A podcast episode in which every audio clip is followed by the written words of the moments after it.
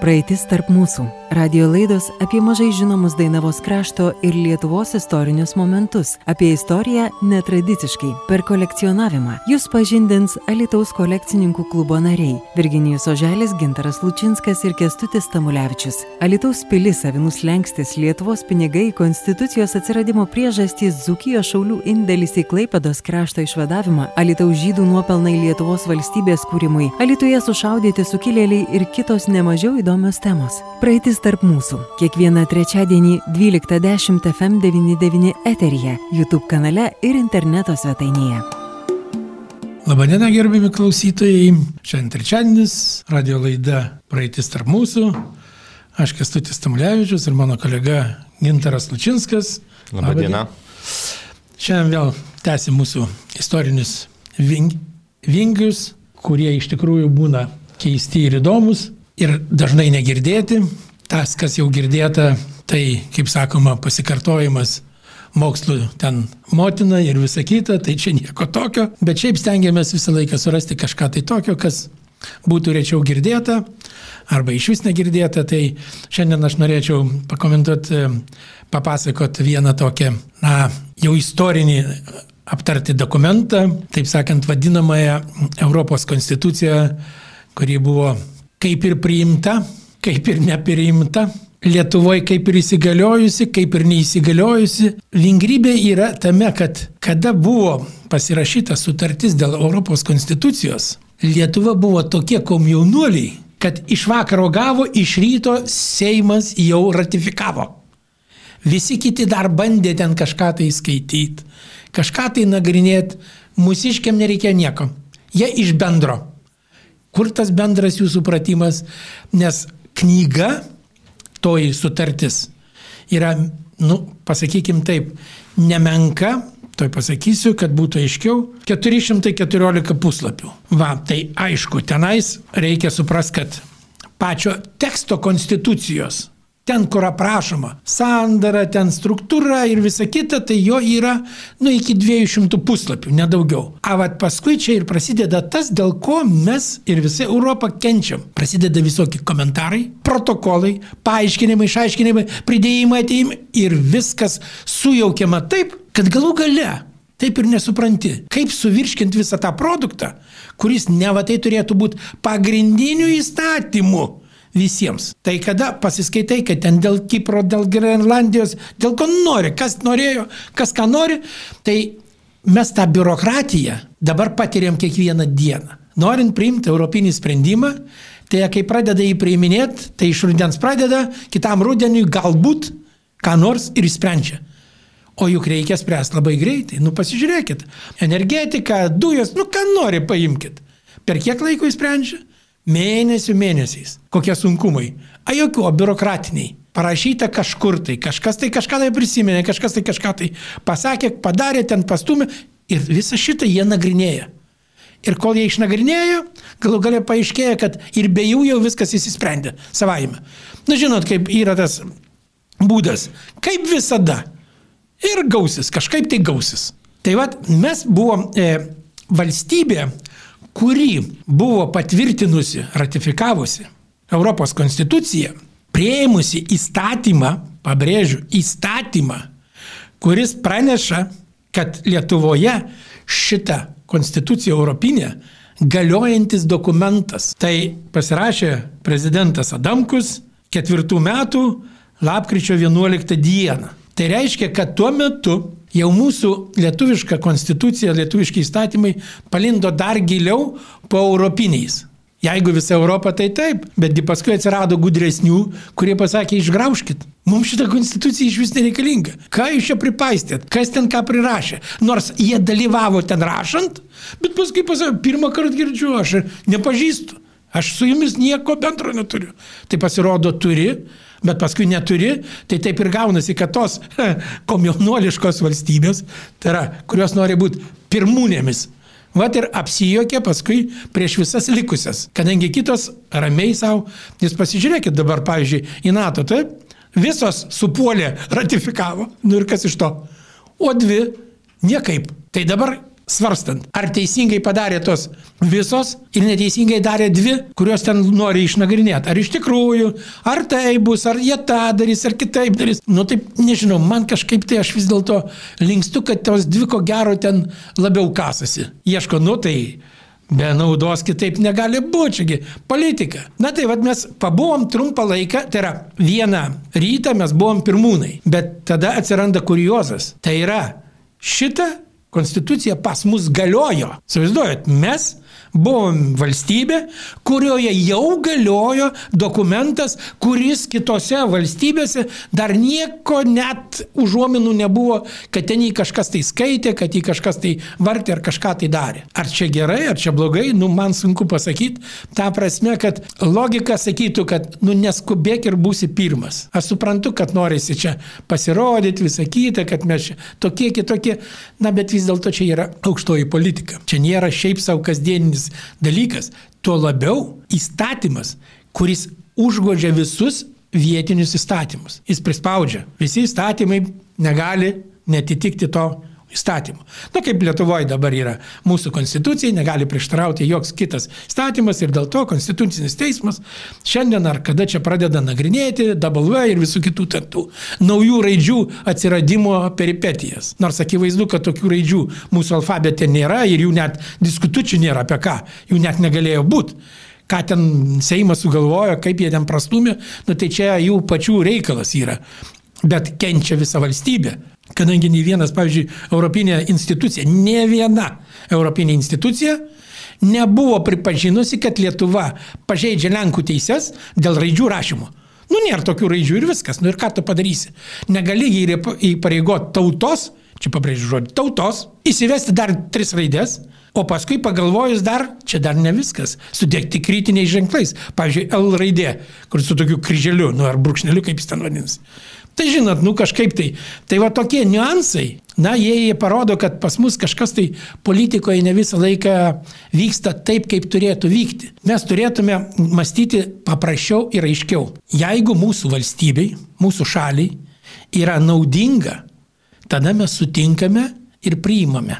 Jeigu mums nėra naudinga ir vadinamieji kompromisai, kurie dabar iškelti į neaišku kokį lygį, na, žinot, kompromisuose visą laiką nukenčia mažosios šalys. Jeigu Vokietija viena, na kaip čia, blokuoja naftos dujų kainą, tai jos užtenka vienos. Lietuva gali bamba draskyti kiek nori, kad reikia naftom, e, dujų kainom e, ribas nubrėžti ir visą kitą, nu ir kas. Nulis emocijų. Tai vad, tas buvimas lyderiu na, iš tikrųjų gundantis. Bet gal geriau reikia daugiau pagalvoti, pamastyti, pasižiūrėti, kad nebūtų kaip pat su ta Europinė konstitucija, kuri dabar, nu, yra užmarštyje ir dabar galioja visai kiti ten susitarimai, jau net žodžio konstitucijos nebeliko. Kadangi kitos šalis protestavo, kad tas žodis konstitucija reiškia pagrindinį įstatymą, svarbiausia ir visa kita, jom nepriimtina. Tai dabar susitarimai ten visokie pasirašai, nu, bet vėlgi iš kitos pusės žiūrint, taip, tai Junktinė karalystė kaip tokios vienos rašytinės konstitucijos niekada neturėjo, bet tai nereiškia, kad jie prašiau gyvena negu visi kiti. Jie turi savo tuos neaišku, šimtų metų, kelių šimtų metų įstatymus, kuriuos atkapsto ir pripažįsta, nu, jiem gerai, nu tai. Aišku, čia prasilenkimas savotiškas su demokratija, kadangi demokratija tai turėtume suprasti labai paprastai. Visiems priimtina. Tai jeigu mes net nesuprantam, kas ten pas juos yra, tai mums negali būti priimtina. Mes net nesuprantam. Jie mūsų supranta. Mat prisiminkime, vėlgi pasakiau Didžiai Britanijai, e, kaip buvo bandoma įvesti e, kad Lietuvoje legaliai galėtų važinant kairiarankiai vairuotojai. Nu, tai yra ne vairuotojai kairiarankiai, o vairai kairioj pusėje nu, žinot, nu kažkaip tai net atrodė, taigi čia tokiam judėjime kaip pas mus, dešinė pusėm, nu tai tai pavojinga. Bet jie privertė, prispaudė, kadangi tai galinga ekonomika. Po Vokietijos antra ekonomika. Nu tai vadinasi, tas mūsų pionieriškas, komjaunuoliškas, to sovietmečio terminologija sakant, veržimasis į lyderius, tai jis turi būti gerai pamatuotas ir pamastytas. Na tai aš tikiuosi, kad ateityje mes taip jau kažkaip tai gal drovesni būsim, kuklesni, tai yra daugiau pamastysime ir tada kažką tai padarysime, negu iš pradžių padarysime, o paskui pamastysime.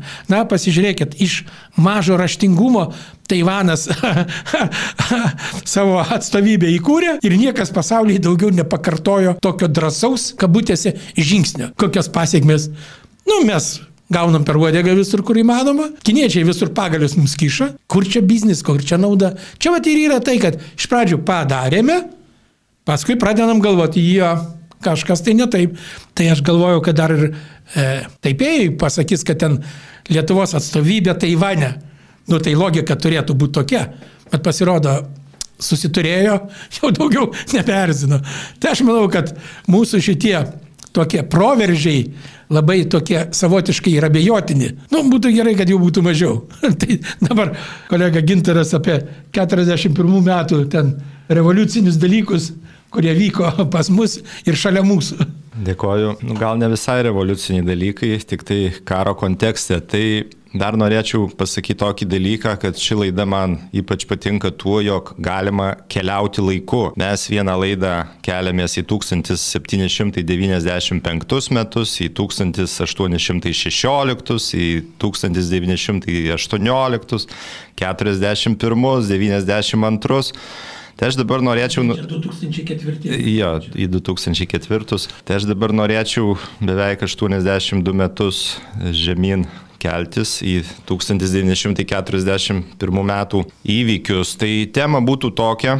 Iš tikrųjų, vėlgi, Lytus, nenoriu čia labai girtis, kad iš Alytaus ar panašiai, bet nu, vėlgi yra fenomenalus tuo, kad netgi karo pradžioje 1941 m. birželio sukilėliai, kurie ir šiais laikais, ir ypač sovietmečių KGB tą temą labai eskalavo, e, vis dėlto Lytuje buvo sušaudyti per klaidą. E, Vokietijos armijai, tiksliau jos kariams, kažkaip neįvertinus tuo metinių realijų, aplinkybių ir panašiai, viskas vyko labai greitai ir, ir, ir sunku buvo įsiaiškinti, kur, kur patriotas, kur komunistas, kur, kur panašiai. Taigi 1941 metais birželio 22 dieną prasidėjus karui, kai Vokietija užpuolė Sovietų sąjungą tuo metinę, tuo pačiu metu prasidėjo ir taip vadinamasis Birželio sukilimas. Jis oficialiai tęsėsi iki Birželio 28 dienos. Čia pas mus Zukijoje baigėsi labai greitai, tarkim Birželio 24 Varėnos poligonė, kur lietuviai buvę tarnavę Raudonosios armijos korpuse sukilo prieš, prieš, prieš savo karininkus politrukus ir, ir, ir, ir nenorėjo trauktis į tuo metinę Rusiją. Tačiau per periferijoje, ten Seda, Mažiekiai, Rokiškis, Zarasai, tai tos kautinės sukilėlių lietuvių su raudonarmiečiais vyko iki Liepos mėnesio pradžios. Ši tema labai yra politiškai nepatogi ir šiais laikais, ir, ir, ir, ir, ir bet kuriuo laiku. Čia Lietuvoje politiškai nepatogi, užsienį, pavyzdžiui, Junktinėse Amerikos valstijose ar Vokietijoje, ar kur viskas yra išaiškinta, viskas yra žinoma, suprantama. Patys žydų autoriai, progresyvūs e, Sara Ginaitė, ar tas pats Salamonas Atamukas, ar mūsų išeivijoje, sužėdėlis ar dabartiniai istorikai, nu, atsakyti yra į visus klausimus, kad tai buvo holokausto industrija ir lietuvių tas e, birželio sukilimas ir holokaustas, nu, mano nuomonė, absoliučiai yra nesusiję dalykai, kadangi holokaustas tai vyko, kai jau Lietuvos teritorija buvo totaliai okupuota, tai buvo nacijų politika, o tarkim karo pradžia tai viskas taip ant ribos buvo. Sovietų okupuota teritorija, ateina, reiškia, išvėja raudoną okupantą, ateina rudasis okupantas ir tam tarpuvaldį, vad lietuviai sugebėjo vienintelį Europoje nu, tiksliau, sovietų okupuotuose kraštuose paskelbti, atstatyti nepriklausomybę, sukurti laikiną vyriausybę e, atstatyti buvusias struktūras ir panašiai. Tai jeigu kalbėti apie lytų, tai dar 41 metų birželio pradžioje prieš trėmimus atvykdavo tam tikri pasiuntiniai iš Kauno, iš Lafo e, štabo, Lietuvių aktyvistų fronto štabo, kurio įkūrėjai vis dėlto buvo Vokietijoje, Berlyne, bet aš dabar nesiplėsiu tą temą. Ir atveždavo tam tikras instrukcijas, kad prasidės štai karas ir to karo, e, reiškia, nu, priedangoje, sakykime, atlikti sukilimą, įsilaisvinti į sovietų. Sutartinis ženklas, kad per radio foną bus uždėta groti Kipro Petrausko įdainuota dainelė, daina Saulelė Raudona. Kaip žinome, sovietai Šaulių sąjungos struktūras, kaip ir kitas daugelį organizacijų, 40 metais buvo ten priimtas toks drakoniškas įstatymas, visi ten pripažinti kontrrevoliucionieriais, tame tarp ir kolekcininkai, ir filatelistai, ir esperantininkai, ten 68 kategorijos buvo tų pagal sovietų, reiškia, panetėje žiūrintų niekšų visokių lietuvių. Juos vienintelis kelias pas meškas juos numatyta buvo iškeldinti baltas. Tai Alytui vis dėlto kai kas išvengė 40 e, metų tų suėmimų ir 41 metų birželio tremties buvo susikūręs šioks toks antisovietinis pogrindis, vadovavo aišku karininkai, buvę e, Šaulių sąjungos nariai, tai būtent kapitonas Domininkas Ječys, kuris tarpu kariu buvo Alytaus apskrities komendanto Broniaus Basiulio, e, nu, rašė padėjėjas, bet realiai pavaduotojas, bet šaulių reikalams, iš esmės galima sakyti, šaulių rinktinės vadas. E, karininkas e, atsargos leitenantas Benjaminas Meškelis, leitenantas Vladas Šimoliūnas, viršila Pranas Valiulis. Šitie visi išvardinti asmenys nėra gimę Dzukijoje. Tarkim, Ječys prie biržų, Meškelis prie Panės Panevežio, Valiulis prie Tauragės, tai va ta, ta, ta mūsų Alytaus istorija yra nu, ne vien tik lokali istorija, tai yra visos Lietuvos istorija, nes va tų, tų, gimų, tų žmonių, kurie gimė ne, ne Lietuvoje, palikonys, tarkim, su Ječio anūku aš bendrauju, su meškelio, jau turbūt pronūkė irgi šiek tiek esu bendravęs, tai jie gyvena net nelytui, bet jie atvažiuoja, deda gėlės, pagerbė. Prieš karį Lytus buvo neipatingai didelis miestas, tai čia iš kur ten tiek tų didvyrių galėtų būti? Nu taip, Pranas Valiulis buvęs komendantūros tarnautojas. Dabar vis dėlto tie besiruošiantys sukilti patriotiškai nusiteikę asmenys, viena, vien, vienas padalinys beje buvo Likiškių kaime, kuriam vadovavo vadovavo buvęs metoninis viršaitis Petras Juknevičius, po to, kai buvo atstatyta jau vėl, vėl kaip sakyt, pro, pro lietuvišką valdžią, nu, vėliau provokišką, tai jis vėl buvo į pareigą sugražintas, tai jie išsitraukė savo kažkokius ar paslėptus ginklus, ar kai kas buvo susiorganizavę ginklus, kai buvo Lenkai internuojami prasidėjus antram pasauliniam karui 39 metų rugsėjo 1 dieną. Vienu žodžiu, vyrai turėjo ginklų, turėjo ką, kaip pasipriešinti. Alitus arti, arti Vokietijos sienos sąlyginai ir, ir, ir labai jo, kaip ir e, sovietai labai greitai įsikraustė, čia tie mūšiai truko epizodiškai, yra žinomas istoriografijoje tas tankų mūšis kaniukų, beje, e, Gediminas Kulikauskas planavo dar šiemet išleisti knygą, aš prieš mėnesį domėjau, dar nebuvo, nu, dvi, trys dalys bus tos knygos. 41 metų tankų mūšį Lietuvoje, tai beros antroji daly bus detaliai išanalizuota su schemom, su viskuo pagal rusų, pagal vokiečių archyvus, Alytaus e, tankų mūšis, e, turimo menį kaniukų. Taigi, Alytui buvo prasidėjus karui jau birželio 23 Alytaus gimnazijos mokytojas Mykolas Babilius, bet jis irgi neatsirado iš niekur, tas pogrindis vystėsi, jie nebuvo identifikuoti, išaiškinti, NKVD irgi dar kol kas buvo silpnos struktūros, agentūros e, mažai turėjo ir panašiai. Tai mokytojo Babiliaus iniciatyva buvo sušauktas toks lietuvių, vietos lietuvių susirinkimas, kuris išrinko komitetą viešai tvarkai palaikyti, kadangi buvo gaisrai ir, ir, ir nužudytų žmonių, taip sakyti, kūnai lavonai, nu, reikėjo spręsti jų klausimą, nes Alytus buvo labai stipriai bombarduojamas, kadangi čia buvo sovietų įgulai įsikūrus, karininkai būtus nuomavo geresniuose namuose, reiškia centre, mūriniuose namuose, tai buvo labai stipriai tris kart bombarduojamas ir panašiai. Tai daug, daug, daug užmuštųjų bombardavimo metu ir po to, kai įžengė vokiečiai. Tai yra keletas versijų. Aš, kai tyrinėjau tą klausimą čia prieš labai gerą dešimtmetį, tai aš buvau aštuonias versijas radęs. Kas šovė į tuos vokiečius? Tai ten ir sukilėliai galėjo šauti, ir komjaunuoliai, ir, ir, ir žydų tautybės, ir maršako sūnus. Tačiau radau sąrašą, kad Maršako sūnus pakankamai jauni buvo, jie buvo numatyti ištremti, nu tai logiška, kad jie tikrai negalėjo šaudyti. Desperatiškai galbūt raudonarmėtis ten galėjo šauti vokiečius, bet principai principas buvo toksai. Škirpos knygoje yra atsakymas, kodėl vokiečiai vat, naudojo tą žiaurę taktiką už vieną nušautą vokiečių karį sušaudyti šimtą vietinių komunistų. Jie traktavo, kad tai yra komunistai. Bet tai kaip atsirinkti tą žmogų? Nu, ta prasme, jis komunistas ar ne. Kai kurie lietuviai sugebėjo išlikti gyvi, parodydavo ten tą šventą medalikėlį ar kryželį, ne, sako, aš ne komunistas, nu, kurie šiek tiek ten vokiškai mokėjo keli žodžius ir panašiai. Bet tas principas, kol atėjo kelytus, buvo taikomas plačiai, tik kalytui tai buvo įvykdyta masiškai. Ir šventą žerį tris brolius gilius sušaudė šaulius, nes pas juos ginklus rado. Prialovės Delnicką nušovė, nes jisai su ginklu ėjo. Dauguose du nušovė irgi e, Pūtį nušovė ir dar kitą, nes kišenėse turėjo tų šešto kalibro pistoletus tokius, nu, moteriškus pavadinimus, Montekristus tokius vadinamus. Prie Varienos tas visur tas pats buvo, prie Garliavos, prie Birštono. Gimnazistai eina, tuo metu madinga buvo šukuosena, ta prasme virš pausių įskusti plaukai. Na nu, ir dabar pas mus prieš kelius metus jaunuoliais tokiam vaikščio.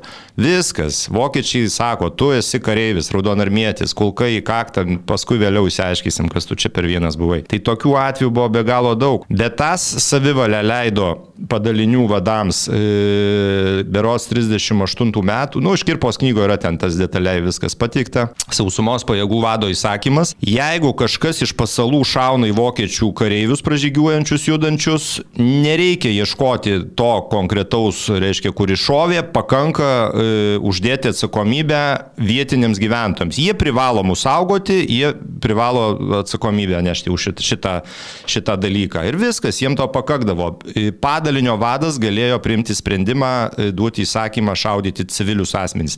Vokiečiai tai nelaikė karo nusikaltimu, nes, nu, jie traktavo, kad tik komunistai mus gali šaudyti, civiliai negali. Jeigu šovė, jūs komunistai, todėl mes prieš jūs represijas taikom. Tai galėjo būrio vadas, kuopos vadas, nu, bet kuris aukštesnis vadas ir ten buvo numatyta, kad jis išvengė bet kokios vėliau atsakomybės už savo priimtą sprendimą. Tai vad vokiečiai tai laikė, kad teisėtas dalykas.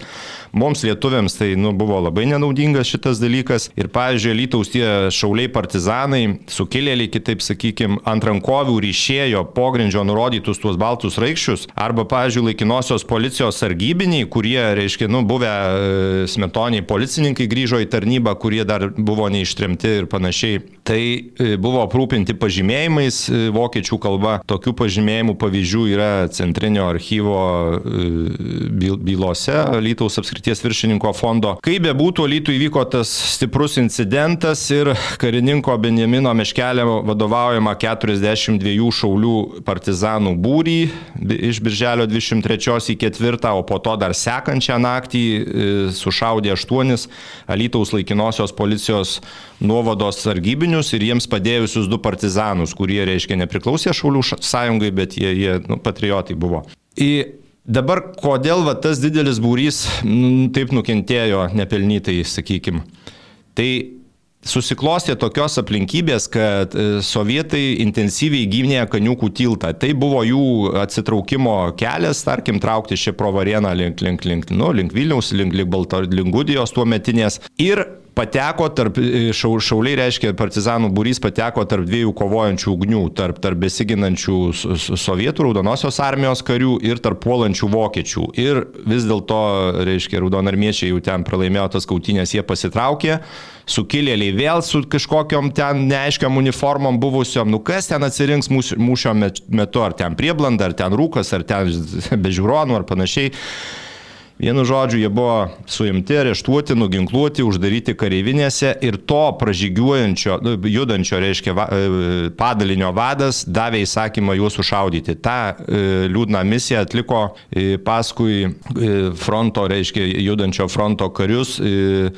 Iš karto judėjo e, vokiškai Geheime Feldpolizei, slaptoji lauko policija, kurie, kurie vat, nu, identifikuodavo ten tuos belaisvius, ten tuos politrukus ar, ar, ar raudonosios armijos kažkokius vadus, juos atskirdavo ir jau, jiem ten taikydavo tam tikras priemonės vėliau. Tai vad būtent šitos, šitos, šito padalinio slaptosios lauko e, policijos kariai Nu, buvo toks primtas sprendimas, nuvedė prie Nemuno, e, čia linkaniukų tilto, jeigu kalbėtų apie dabartinės Ulonų, kareivi, e, Ulonų bataliono kareivinės ir, ir sušaudė. Yra istoriografijoje užfiksuota toks dalykas, kad vis dėlto vienas iš, iš tų vedamų šaudyti e, šoko į Nemuną, buvo geras plaukikas, jo pavardė įvardinama, kad tai buvo Merkelis. Jisai perplaukė Nemuną, vokiečiai kažkiek ten pašaudė, bet, bet liko gyvas. Tai sušaudytojų lavonus mūsų sukilėlių ten pat ir paliko vėliau gavo giminės leidimą, bet buvo